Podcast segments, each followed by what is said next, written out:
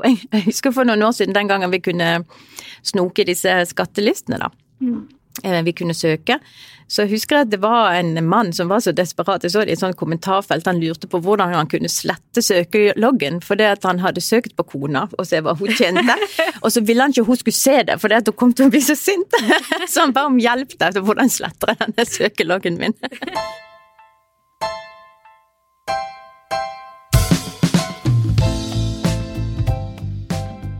Ellen Katrine Nyhus, velkommen til det hun sa. Jo, tusen takk. Det er veldig hyggelig å bli invitert. Du, Vi inviterte deg fordi du er professor ved Handelshøyskolen på UiA. Eh, utgangspunktet var at jeg satt sammen med mine to kolleger, Monica Birkeland og Silje Dagsvik, og så diskuterte vi litt dette med lønn. Og så kjente vi på at det var så vanskelig å snakke om. Og hva er det som gjør at vi liksom ikke klarer å, å snakke helt så naturlig om det, og at det, liksom ikke kunne falt meg inn og spørre f.eks. deg, Silje, om hva du, hva du tjener? Um, vi hadde en sånn diskusjon på det, og så tenkte vi dette er jo et godt utgangspunkt for en temaepisode.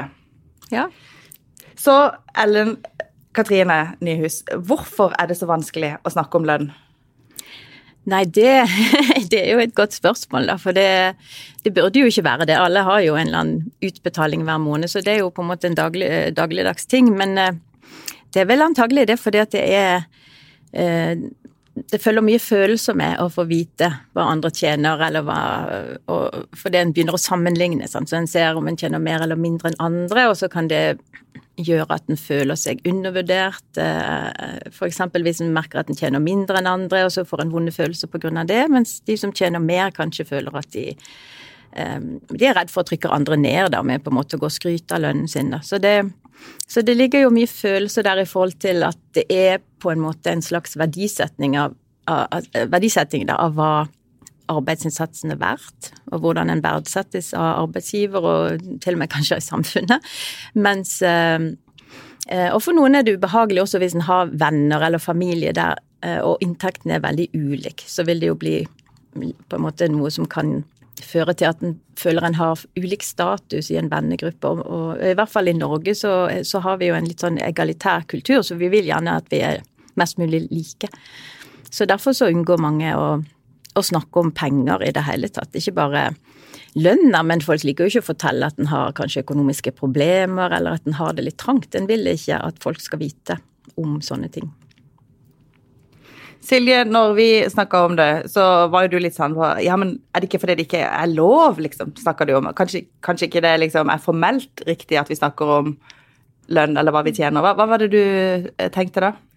Ja, altså For det første kjenner jeg veldig igjen akkurat det som du sier. da. Så der sa jo du eh, det som jeg kan personlig kjenne igjen eh, når jeg har skulle venninner eller kollegaer spesielt. Mm. Hvis det kommer opp dette, denne tematikken. Så er det utrolig ubehagelig. Kjempeubehagelig å snakke om.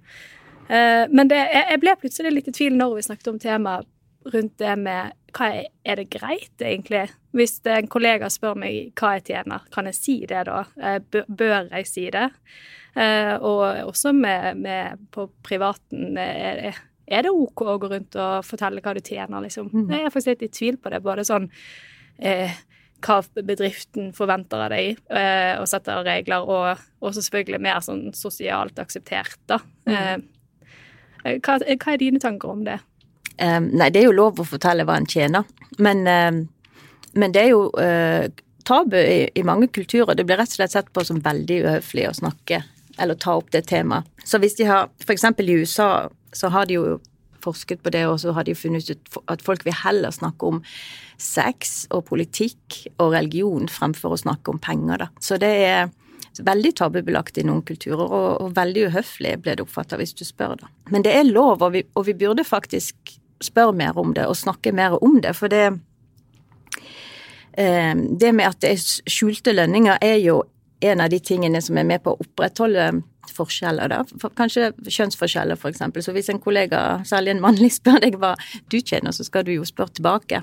Mm. Eh, og hvis han tjener mye mer enn deg, og dere har lik lønn, så bør du jo gå til sjefen og si at eh, hør her. så det, det, å snakke mer om det, ha mer åpenhet om det, vil være bra i forhold til det å få eh, viske ut uh, sosiale forskjeller og urettferdigheter i forhold til hvordan uh, arbeid blir belønna. Eh, og så har vi jo også det som jeg er opptatt av, det med hvor mye barn forstår, f.eks., for og ungdom og unge voksne forstår økonomi. For det at hvordan skal de lære noe om det når de aldri snakkes om det? De vet jo ikke hva en normal lønning er, f.eks. Mange. Det er veldig få foreldre som sier til barna sine hva de tjener. Mm.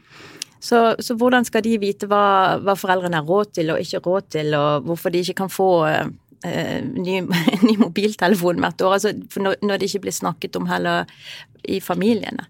Det er jo eh, også ektefeller som ikke vet hva den andre tjener. For det at det her med inntekt inn i husholdningen, det er også en kilde til på en måte makt i et forhold. Så det er jo mange par som aldri har snakket om penger, eller hvem som skal betale for hva, og hva som vil være en rettferdig fordeling mellom, mellom en, eh, ja, to partnere. Da. Så, det, så, vi burde snakke mer om det enn det vi gjør, da. Men det, det er litt tabu. Og, og ja, så føler folk ubehag da, når de tar det opp. Så jeg tror der de snakker mest åpent om det, det er der det er kollektive forhandlinger. Sant? Der, du, der på en måte alle sykepleierne får den lønna hvis de har så, så lang ansiennitet, altså der det ikke blir så veldig mye basert på hva du presterer som individ, da, men der det mer er fastsatt i en eller annen tabell, nesten. Så, så er ikke folk redd for å si hva de tjener så ofte, for det, det, det er ikke like personlig, da. Det er mer grupper arbeidstakere de tilhører, som blir verdsatt sånn og sånn, og ikke de som person. Da. Så jeg tror For de er det nok lettere å snakke om lønn. Vi snakka litt med en dansk redaktør for en stund siden, og hun sa det at det viktigste du kan gjøre for dine medsøstre da, som, som, kvinne, det er å fortelle hva du tjener. Sånn at man har et reelt sammenligningsgrunnlag og kan få øye på skjevheter. Mm. Det syns jeg egentlig hørtes ut som et godt råd, men allikevel så kjenner jeg jo at det sitter litt inne og skulle begynne å snakke med Silje og Monica og alle andre om hva jeg tjener, og kanskje mm. spesielt med venner. Um, og jeg kan også kjenne litt på det du sa med, med barn. Jeg har en sønn på 16, og han spør stadig ja, hva tjener de? Han er jo der når han skal ja. velge yrke og utdannelse, ikke sant? Så han spør jo uansett hva vi snakker om, så spør de ja, men hva tjener de da? Hva tjener de da? Mm. Og da blir jeg litt sånn ja, nei, men det vet jeg ikke.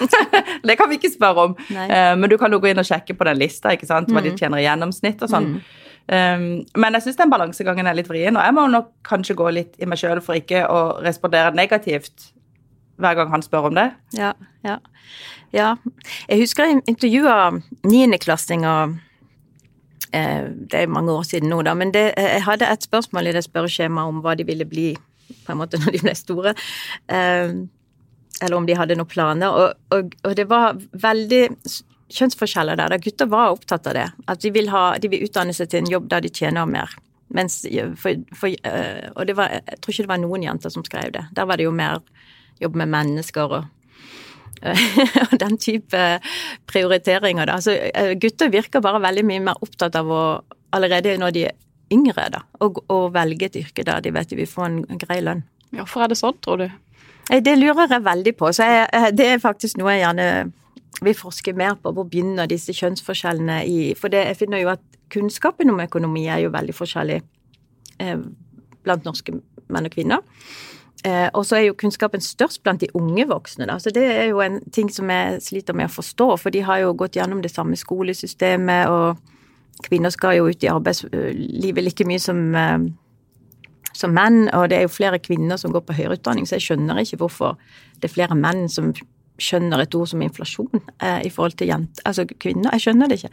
Men, eh, men eh, disse niendeklassingene eh, intervjuer, da, de jeg kunne se ganske store kjønnsforskjeller allerede da, med at uh, guttene flinkere, sa de var flinkere til å spare enn det jentene gjorde, og de uh, mente de ikke hadde problemer med å kontrollere forbruket sitt. Altså de, Hele tiden så hadde de om de var bedre, eller om de bare hadde høyere selvtillit, det vet en ikke. Men det er allerede kjønnsforskjeller der i niende klasse, så da tenkte jeg må jeg jo gå lenger tilbake og begynne å forske på de enda yngre, da, for å prøve å finne ut når begynner disse forskjellene. Det handler jo mest sannsynlig om det mest sannsynlig om hvordan vi snakker med barna våre om økonomi. Mm, ja. jo, vi må nok gå litt i oss sjøl der i forhold til om vi snakker ulikt da med, med gutter og, og jenter ja. hjemme. Og så, så, fant jeg at de hadde ulik inntekt. De hadde lik inntekt, men kildene var ulike. Der, sånn at guttene jobba mer utenfor hus og, øh, familien, mens jentene fikk mer penger hjemme. da. så de ble på en måte litt sosialisert i at gutter Hey, I'm Ryan Reynolds. At Mint Mobile, we like to do the opposite of what Big Wireless does. They charge you a lot, we charge you a little. So naturally, when they announced they'd be raising their prices due to inflation, we decided to deflate our prices due to not hating you. That's right. We're cutting the price of Mint Unlimited from $30 a month to just $15 a month. Give it a try at mintmobile.com slash switch. $45 upfront for three months plus taxes and fees. Promo rate for new customers for limited time. Unlimited more than 40 gigabytes per month. Slows. Full terms at mintmobile.com. han skal ut og jobbe, og jentene de kan dille litt hjemme og få penger likevel. Ja. så, så der var det. Så det å komme seg ut og få en jobb ute og tjene egne penger, det tror jeg faktisk er viktig at også jentene gjør. Det er et veldig godt råd. Og, det, og det, her føler jeg meg, altså Kan det ha litt med rollemodeller også, da? Hvis, hvis det er sånn at vi kvinner eh, ligger lenger bak på kunnskap om økonomi, Mm. så vil vi jo kanskje naturlig snakke mindre om det også. Eh, Jeg har en gutt og en jente, og jeg føler meg at dette skal jeg være litt bevisst på fremover, kjenner jeg. Eh, og personlig har jeg en lang vei å gå for å bli eh, bedre på akkurat privatøkonomien. Jobb er noe annet. Eh, og det vil jo kanskje da Min datter vil jo kanskje merke det at jeg aldri snakker om det i særlig grad. Ja. Um, ja, den skal jeg ta med meg hjem. Ja. ja, ja altså, for det er jo rett og slett et fenomen over hele verden. Eh, at jenter og damer kan mindre da. Men jeg hadde jo ikke forventa at forskjellene var så store i Norge, da. Så det, var, det har overrasket meg. Så du forsker på dette, denne tematikken med forskjeller mellom eh, menn og kvinner også, mm. og hvor langt tilbake, og hvorfor på en måte det kulturelle og sosiale aspektet i det. Ja. Mm. Så det, det er veldig spennende. Så ja, så vi har flere prosjekter. Vi skal snart samle inn nye data på det. Og da skal vi også måle noe som kalles um, eh, mestringstro. Eh, for jeg tror at noen ganger når vi måler, vi spør spørsmål til kvinner og menn om økonomi, så, så sier damer mye mer ja, jeg vet ikke. Jeg vet ikke. Så, så vi lurer på om det har noe med at de tror de ikke kan det. At de kan like mye som menn, men de bare tror ikke, så derfor svarer de alltid nei, det jeg vet ikke. så vi skal undersøke det i en ny undersøkelse nå. Eh, Og så skal det, eh, har vi en postdoktor hos oss som heter Elise Furubø. Hun skal ut og studere mer i, i skolen eh, blant ungdom, og se hvordan du kan på en måte booste mestringstroen, da. Jeg har lyst til å, bare lyst til å hoppe litt tilbake til det der som går med eh, det kulturelle og sosiale aspektet rundt det å snakke om lønnen sin. For jeg, lurer litt på, er vi i Norge, er det janteloven, er vi annerledes enn andre land, eller fins det noen land som faktisk ligger foran oss i forhold til hvor naturlig og åpent det er å snakke om, snakke om lønnen sin? Vet du noe om det? Eh, Nei, jeg vet ikke mye om det, men jeg vet at i mange kulturer i hvert fall så er det et problem at det snakkes lite om det. At det er rett og slett et tabu. Eh, Sånn at eh, Altså, jeg mener det var noen land der har de funnet at det ikke nødvendigvis er det, sånn som i Jeg tror det var Vietnam, men jeg må ta litt forbehold, for, jeg, for stort sett så, så Hvis det skrives om det, så er det det at det er lite snakket om, og tabu, og så prøver en å finne hvilke grupper da, som eh, gjerne snakker om det, og, eh, eller snakker mer om det, og det er litt oftere hvis de har lav lønn, eller i gruppe, for de må jo kanskje forklare hvorfor ikke de har råd til ting. Eh, og så er det eh, Og der er det jo ikke på en måte noe Du blir ikke oppfatta som at du prøver å vise deg fram, da, hvis du forteller at du I disse gruppene. Eh, og så er det der det er kollektive lønnsforhandlinger, sånn at du Sånn at det ikke føles så personlig. Men det er liksom Ja, jeg er ingeniør i den bedriften, og der tjener alle sånn og sånn. Eh, Der har ikke folk like mye barrierer. Men men jeg har jo sett også en del forskning på, eh, på rett og slett ektepar. Bare tenk at Folk snakker ikke om det før de gifter seg, hvordan de skal dele penger, og hvordan de skal håndtere at de kanskje har ulik inntekt. Det, mange de, de snakker ikke om det, og så blir, får de et system, men det bare blei sånn. Så de har faktisk aldri eh, snakket om det sammen. Så det er jo, eh, tenker jeg, er jo veldig interessant. Og jeg, jeg husker for noen år siden, den gangen vi kunne snoke disse skattelistene, da. eh, vi kunne søke. Så jeg husker at det var en mann som var så desperat. Jeg så det i et sånt kommentarfelt. Han lurte på hvordan han kunne slette søkeloggen fordi at han hadde søkt på kona og se hva hun tjente. og så ville han ikke hun skulle se det, fordi at hun kom til å bli så sint. så han ba om hjelp der til hvordan sletter jeg denne søkeloggen min. så han, han måtte inn i skattelistene da for å se hva kona hans tjente. Ja. Men tidligere så kunne man jo Det lå jo det litt mer tilgjengelig enn det gjør nå, med disse skattelistene som eh, veldig mange nettaviser iallfall hadde tilgjengelig. At man kunne rett og slett bare søke på hvem som helst og finne ut hva de tjente året før, eller Ja, det var kjempespennende. Men eh, hva, hva tenker du eh, det har gjort? Eh, altså Har det betydd noe at ikke det lenger er tilgjengelig sånn åpent som før? Eh, ja, eh, det har jo i hvert fall betydd at du vet mye mindre. For det er jo det at når du får denne beskjeden om at noen har søkt på deg, så blir jo det på en måte ille med Hvis jeg får vite at en kollega har drevet og søkt på hva jeg tjener, så vil jeg jo liksom lure på hva Se litt skeivt på den kollegaen, jeg tror det. Hvorfor spurte du meg ikke isteden? Ja, ja, hvorfor kunne du ikke bare spørre meg? Um, så jeg tror jo at det er mye mindre åpenhet om det. At folk vet mindre om hva andre tjener når ikke vi kan på en måte søke litt i det skjulte. Men Du, da vi begynte å snakke om dette temaet, så var vi jo litt i tvil om hvem vi skulle invitere, eller hvem som kunne være med på å belyse det. Så skrev vi jo litt på Facebook, og så kom det jo en hel haug med forslag til, til, gode navn, og ditt navn var jo en av de en av kandidatene, da. Um, så ringte jeg deg, og så sa jeg vi har lyst til å snakke om hvorfor det er så problematisk å snakke om lønn. Og så sa du med en gang jo, det er jo fordi lønna er jo et, på en måte, har stor symbolverdi. Mm. Den sier mye om hvor mye du er verd. Kan ikke du utdype det litt, for det syns jeg òg var veldig interessant. Ja, um, ja, jeg er jo også tillitsvalgt, så jeg er jo faktisk med i lønnsforhandlinger mye på UiA. Uh, uh, og det er jo noe som en ser at folk uh, For vi, på en måte så vet vi ikke hva vi er verdt, eller hvor mye vårt arbeidsinnsats burde være. Så vi bruker jo da andre tall, og gjerne andres lønn, da til å se får jeg, får jeg nok, får jeg det jeg fortjener, eller får jeg mindre. Uh, så Derfor er det jo sårt hvis du ser at du eh, kanskje får tjene 200 000 mindre enn den på nabokontoret, og så syns du at du jobber hardt. og du, og, så du, Det kan jo ha noe med at du, da føler du deg ikke sett av sjefen, og du føler deg ikke verdsatt, eller du tenker at det, eh, at det er noe som foregår som ikke er riktig, med at det er noen som får trynetillegg eller er venn med sant? Du altså, begynner å, å generere en masse sånne følelser. da.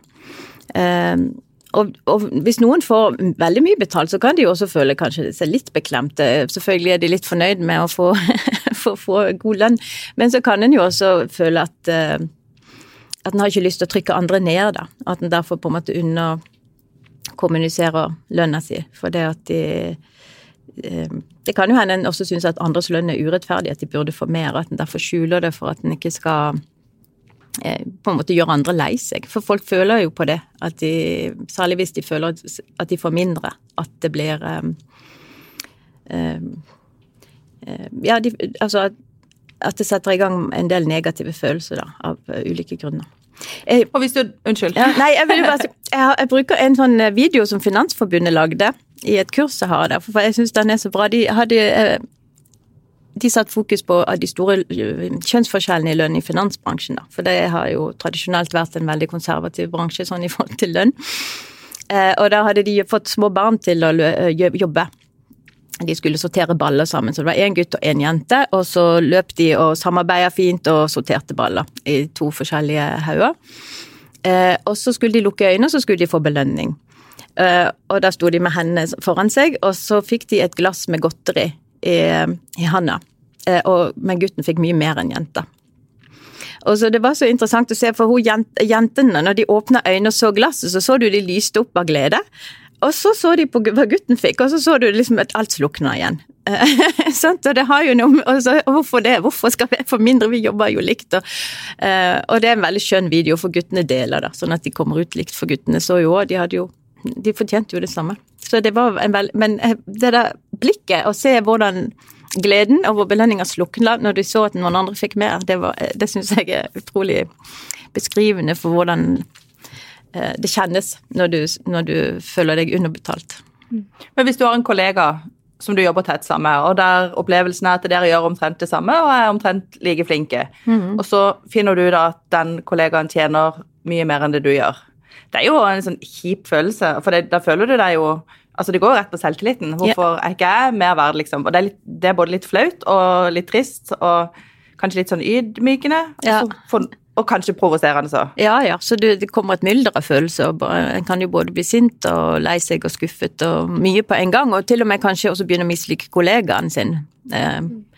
Uten egentlig at det er hans eller hennes feil. Men, eh, men der bør en jo ta mot til seg, da, eh, og gå til sjefen og, og, si, og ha en lønnsavtale og si at dette syns jeg ikke er greit. Eh, Når du skal inn i lønnsforhandling, det å eh, sammenligne seg med andre, og så si det at ja, jeg ut ifra dette mener at jeg bør ha en høyere lønn, er det, er det et godt argument for å kunne forhandle seg opp? Eh, ja, altså det, kom, det, er jo Det fins jo sånn eh, statistikk ofte fra fagforeningen en kan bruke, da. Eh, så hvis en ligger lavere enn snittet, så syns jeg jo det er et godt argument, da. En sliter kanskje mer hvis en ligger godt an, men, eh, men, det betyr jo ikke at en ikke eh, fortjener en lønnsøkning hvis en jobber bra. Så, så, det å vise til statistikk er bra, eh, men også egentlig å vise at en bidrar til organisasjonens mål og strategi. Det er jo alltid de viktigste argumentene, tenker jeg. Men det er jo noe med å, å vite at også sjefer eh, har jo travle dager. Altså, de ser ikke alle ansatte, og det er jo noen som omgås mer med sjefen enn andre, og det kan jo hende at de lettere blir sett. Så det handler jo om å, å av og til ta den samtalen sånn at en får eh, vist sjefen dette gjør jeg, og dette bidrar jeg med, selv om ikke de ser det i, i sitt daglige virke. Hmm. Er det forskjell på kvinner og menn i lønnssamtaler? Eh, forhandler vi ulikt? Jeg vet ikke, eh, for jeg, med, jeg, har ikke vært med på så mange av de. Men, eh, men, inntrykket mitt er at, at, det er lavere terskel for menn om å be om det. Mm. mm. Men jeg oppfordrer jo alltid kvinner til å, å, å, ta den praten. Og det trenger jo ikke være noe ubehagelig. En kan jo bare si til sjefen at jeg har ambisjoner, jeg vil gjerne ha høyere lønn, og, og ha en samtale om hvordan de vil de skal jobbe for å oppnå det. Mm. Der er det kanskje litt forskjeller fra bransje til bransje? Jeg tror det. Så, så jeg tror jo Jeg har jo inntrykk av at yngre kvinner er litt mer bevisst på å, og tør litt mer gå og spørre eh, og, og kreve høyere lønn. Men er noe av konklusjonen her at vi rett og slett må bli litt flinkere og litt tøffere på å snakke om lønn, eller eh, skal vi tenke at det er egentlig et ganske ok ting i, i Norge da, med norsk kultur og norsk arbeidsliv, at vi ikke dømmer hverandre så mye etter, etter, lønn, at vi er litt opptatt av, av den likheten. For det er jo noe bra med det der, at ikke det er det første vi tenker på når mm. vi møter noen. liksom, ja ok, Hvor mye tjener den personen? Ja, jeg tenker at mange, mange sider av kulturen vår er, er blitt til fordi, det, for det er bra. For at, for at, det er på en måte ikke lønner som skal stå i pannen og være det første en tenker på eh, i, i, relasjoner, da. At det er andre sider. Så, så på en, en måte kan det være greit at ikke vi snakker så mye om penger og er på en måte opptatt av, av lønna, men, eh, men samtidig så, så, så, så, bidrar det jo da til at, at det opprettholder litt urettferdige lønnsforskjeller. Selv om jeg, jeg, tror jo at de er mindre i Norge fremdeles enn det de er i, ganske, i mange andre land. Vi, vi, ser jo en trend, tror jeg, jeg tror det er en trend, der en del litt sånn høyt profilerte næringslivsfolk eh, velger å plutselig ta en helt annen retning. Og de sier at nei, men nå, jeg velger bort dette, og så tar jeg en jobb som gir meg mer i stedet, der jeg kanskje kan jobbe med mennesker, kanskje jobbe med noe mer eh, innenfor en ideell organisasjon. Og så blir det jo ofte gjort et stort nummer ut av det, da. Men de gjør iallfall et valg om at lønna kanskje ikke var så viktig allikevel. Mm. Um, hva tror du om det? Nei. er det en trend? Eh, jeg vet ikke om det er en trend. Jeg, vet, eh, jeg har jo ikke noe tall på hvor mange som faktisk uh, har gjort det. Men jeg tror nok at en del kan føle noen ganger at det der, hvis du er i en omgivelse der på en måte det er et veldig jag etter penger, og det er, det er jo noen yrker i, sånn som vi får se glimt av i denne Exit-serien på, på, NRK for eksempel, så får du jo på en måte et lite glimt av en verden der det er veldig fokus på hva han tjener. Og, og, jeg kan jo godt tenke at noen vil hoppe av den karusellen og føler at eh, etter en har jobba med det en stund, så er det litt meningsløst og har lyst til å ha andre verdier i, eh, i hverdagen sin, da. Um, men samtidig, noen ganger så syns jeg jo det er veldig irriterende at mye av arbeidet som på en måte kvinner liker å gjøre, det, at det blir, det blir jo faktisk verdsatt mindre, da, med lavere lønn. Og og mye omsorgsarbeid og mye arbeid som er faktisk kjempeviktig og helt essensielt at det blir gjort i et samfunn, det, det blir jo ikke lønna i det hele tatt. Sånn som eksempel reproduksjon er jo vi helt avhengige av. og det gjør jo kvinner. Eh, en kjempestor innsats som i liten grad blir eh, regna med i bruttonasjonalproduktet, eller det blir på en måte ikke telt. Da. Selv om vi får jo tross alt noen pensjonspoeng i Norge for å ta oss av barna. Men, eh, men i noen samfunn så er jo det arbeidet kvinner gjør med å eh, sørge for stabile eh, samfunn, at vi har eh, sosiale relasjoner og på en måte eh, eh, sørger for at altså, de er på en måte smører samfunnet, da, sånn at ting fungerer. Det, det blir jo på en måte gitt verdi null, da. Det syns jeg er ganske provoserende. Hvordan kunne man kompensert det, tenker du? Nei, det er jo det det blir så vanskelig, for det er jo veldig vanskelig å måle hvor mye noen gjør. Og, eh, eh, så så jeg, jeg ser at det er vanskelig, men det er allikevel provoserende på en måte at det på en måte ikke settes en verdi på engang. At det ikke teller med, og det blir ikke sett på som eh, noe som bidrar til vekst i samfunnet. Mens det i aller høyeste grad er jo det, og er veldig viktig. For det er ikke penger rett i Altså, det er ikke penger man kan telle. Du kan ikke få en inntekt på en sykepleier eller jordmor direkte, men, men det er jo viktig for samfunnsøkonomien totalt for at samfunnet går rundt. Ja, og at det, det videreføres. Ellen, hvis du skulle få lov å gi et råd til de som hører på, om hvordan de bør snakke om økonomi og lønn hjemme i familien, hva ville det rådet ha vært?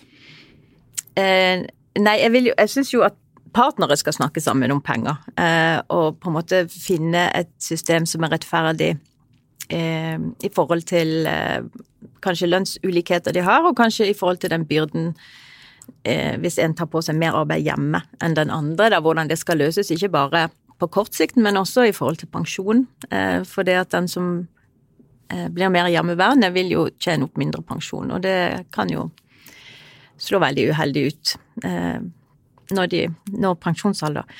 Eh, og i forhold til barn så syns jeg jo en skal snakke mye mer om penger, eh, og lære barna mye mer om penger, og, og lære de eh, fornuftig forbruk, og hvordan en planlegger økonomi, eh, og hvordan en tjener penger. Eh, og så er det viktig å behandle gutter og jenter likt. For klart, mange har jo god råd, og det er jo veldig lett å stikke penger til barna. og og mange av de har jo ikke fysiske penger lenger. Det, det fylles jo bare på med Vipps-overføring hele tiden. Og de kan jo Det kan jo ende opp med at vi bare lærer de at eh, forbruk, og ikke lærer de noe om hvordan penger kommer inn, og hvordan en kan planlegge over tid. Så eh, også, hvis en har sett på denne her eh, serien på NRK der barn får overta familieøkonomien, så er, så er det jo åpenbart at det er utrolig mye de ikke vet om hva det koster f.eks. Å, å drive et hjem. At man må betale for søppeltømming og strømmen i kontakten og at eh, så, så jeg vil jo anbefale at det snakkes mer om det. Den serien er jo egentlig kjempegøy å se sammen med ungene. Vi har sett alle episoder. Ja. og, og begge to de er nå 13 og 16. Begge to har spurt om de kan få lov å, å styre lommeboka en stund. men, men syns du at vi skal si til ungene våre hva vi tjener? Uh, Det er ikke noe gøy hvis de går og snakker om det på skolen og i klassen og bruker det som et sånn uh, Ja, at de, bruker, at de bruker det. Nei, sant, det er jo det at en vet jo ikke helt hvordan, hvordan de snakker om det videre, så, det, så jeg må jo i hvert fall vente kanskje til, til de er gamle nok til å, å holde på den informasjonen og egentlig skjønne. For det er jo klart det kan være vanskelig da hvis en tjener mye, så kan en jo lett komme i konflikter der de sier de ikke skjønner hvorfor ikke de kan få mer eh, selv. Eh, og det syns jeg jo vi så i noen av de episodene i Teenage Boss, når de familien måtte leve på makaroni og, og billig mat fordi de skulle ha den dyre jakka. så det ble på en måte målet. Eh, så de så, ja, så det er klart at en kan jo lett komme inn i forhandlingssituasjoner med barna, men jeg kan i hvert fall fortelle mer om kostnadene og utgiftene. Ja, for min datter spurte meg om hva, sånn, hva tjener du, mamma? Sånn plutselig. Og jeg svarte ikke på det, da. Eh, Men for hun hadde jo det bare vært et eh, tall. Altså, det hadde vært den lønnen jeg tjener det, men hun har jo ikke noe forhold til hvor mye er det i forhold til huslånet, i forhold til Altså, det blir bare et tall som ikke hun kan forholde seg til, Ja. eh, tenkte jeg da. Eh, Kanskje begynne i andre enden, som du sier. Begynne med utgiftene først, og så kan man heller eh, få sett det i perspektiv når man blir stor nok til det i, i forhold til lønnen. Ja. Ja, godt tips. jeg har en liten jobb å gjøre hjemme, kjenner jeg. Ja, vi er nok mange. Jeg, kunne sikkert blitt bedre på det, jeg òg. Mine barn har jo flyttet ut, da, og jeg ble jo litt overrasket eh, over ting de spør meg, for jeg tenkte har ikke jeg forklart dem dette? Så det, eh, jeg kan nok bli bedre. Ja, det er vel en læring vi må ha hele livet, kanskje, det der. Mm. Man blir ikke utlært på økonomi og penger. Du, Vi har noen sånn faste spørsmål som vi kjører, og en av de har jeg lyst til å spørre deg om nå. Det er jo ikke noe du er forberedt der, eller har forberedt deg på, men, men hva, hva er du aller best på i verden, Ellen? Og hva er jeg best på? Nei, jeg vet jo rett og slett ikke. Jeg er veldig god til på, på eh, koble av, tror jeg. Slappe av eh, hvis jeg vil eh, ha behov for det. Men Hva, eh, hva gjør du da? jeg liker å lese bok eller se en film, eller så liker jeg å gå og trene, så det håper jeg snart at treningssentrene åpner opp igjen. Men eh, Nei, hva er jeg god på? Jeg, jeg tror jeg er god på jobben min. Eh, og, og det syns jeg er Jeg har en spennende jobb og, som jeg liker. Har du noen ting som du liksom nerder litt på? Sånn en, i faget ditt, eksempel, eller, eller privat? Noe som du sånn ordentlig, går ordentlig inn i og er superinteressert i? Um,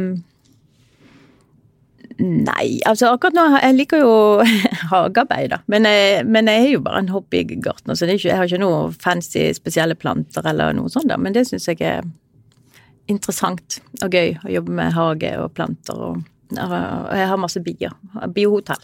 Har du det, ja? Ja, så gøy. Ja. Ja, så jeg har um, Det heter Randesunds gate um, Airbnb. Eller Kuholmen Airbnb heter det faktisk. ja. Du, det er jo en litt sånn, Vi har en litt spesiell måte vi spiller inn podkasten på i dag. Fordi at uh, jeg sitter hjemme hos meg sjøl i stua i karantene. Og så sitter dere i studio, og så ser vi hverandre på, på skjermen. Så vi har, jeg merka at jeg har snakka litt i munnen på dere noen ganger, for jeg kan ikke se alle samtidig. og sånn. Men jeg håper det har gått sånn tålelig greit.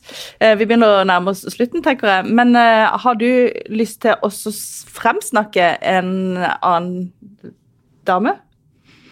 Ja, du, du snak- sa jo så vidt at du ville spørre om det, um, og, og gjerne en som har betydd noe for min karriere, men jeg må jo bare si at i, i fagene jeg har hatt, så, så er det jo mest band, da. Eh, Det har vært veldig eh, mannetungt, og det er jo bare to kvinner som har fått eh, nobelpris i økonomi foreløpig. Um, så, så i forhold til min oppvekst og sånn, så jeg, har jo Gro Harlem Brundtland vært en sånn lysende kvinne eh, som eh, som jeg husker vi fulgte eh, helt fra jeg var ung med, hun hadde diskusjoner med Kåre Willoch. Da var det jo eh, veldig underholdende, men så har hun jo bare Hun, ble, hun ble, fikk jo en, liksom en, mer og mer tyngde og ble statsminister, så hun har jo på en måte vært en, en sånn kvinnelig rollemodell for lederskap der, som har god utdanning, og som eh, eh, jeg, eh, som jeg har alltid oppfattet er genuint eh, interessert i å bringe samfunnet videre og, og forbedre stillingen eh, til kvinner, men også altså, til, til alle. Til, så jeg har alltid hatt stor sans for Gro Harlem Brundtland. Ja, Kanskje vi skal prøve å få henne som gjest i, i podkasten? Det kunne ja det vært hadde jo vært kjempegøy. Ja. Ja, det tror jeg faktisk vi må prøve. Nei, og til dere som hører på, så kan det være vi rett og slett kjører en episode to med samme tema lønn, men der vi snakker enda mer om hvordan man bør gå frem hvis man skal forhandle lønn med sjefen. Eh, frem til da, så takk til dere som hører på. Håper dere går inn på Facebook-gruppa og ber om å bli medlem. Der er vi en god gjeng nå. Og så må dere gjerne følge oss på Instagram på det hun sa. Um, Silje, Monica og Ellen Katrine, tusen takk for at dere ble med. Jo, Takk for invitasjonen.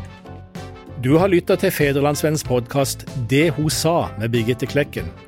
Har du tips til andre bra damer vi bør snakke med, eller har du lyst til å dele inspirerende erfaringer fra ditt arbeidsliv? Ta kontakt på dethosa1fun.no.